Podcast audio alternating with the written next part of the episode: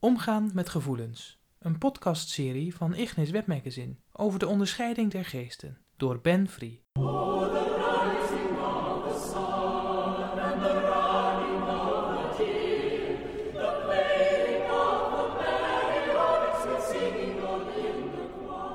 Deel 8.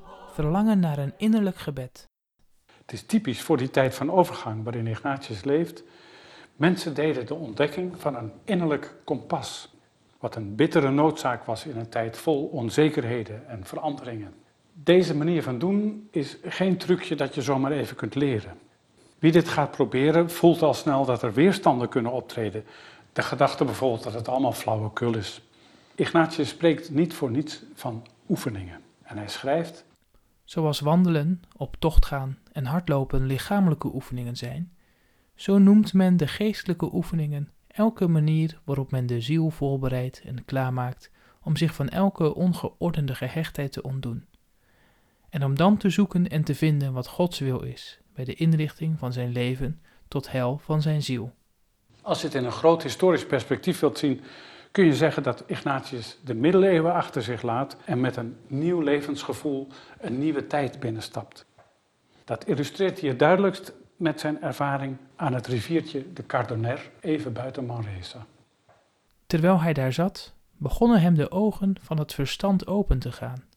Niet dat hij een visioen zag, maar hij kreeg inzicht in veel dingen en verwierf veel kennis, zowel op het terrein van het geestelijke als in zaken geloof en de wetenschap.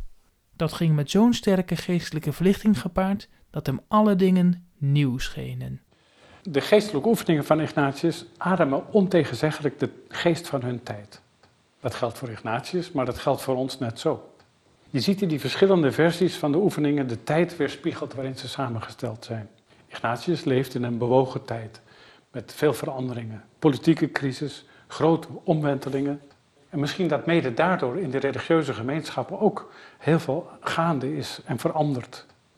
Men zoekt een geestelijke vernieuwing, Onder andere door de navolging van Christus. Thomas van Kempen schrijft dat in de Nederlanden. En Ignatius zal daar zijn handboek van maken.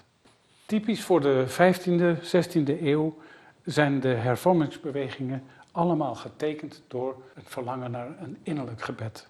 Een gebed waar meer gevoel in zit. En men zoekt daarbij naar een goede methodiek. Het gebed wordt een affectief gebed, een gebed van het hart. En dat horen we terug in Ignatius' oefeningen.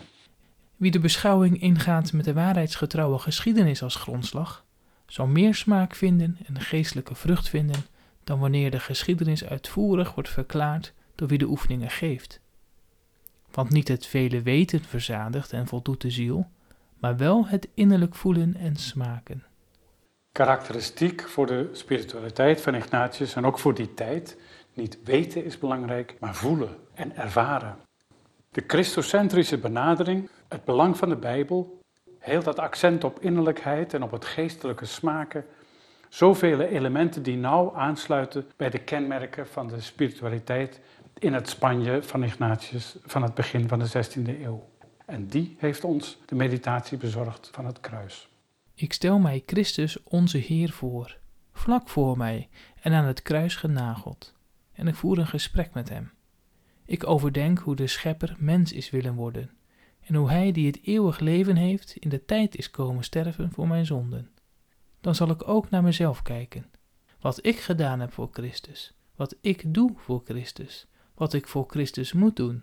En terwijl ik hem zo zie, hangend aan het kruis, zal ik overdenken wat in mij opkomt.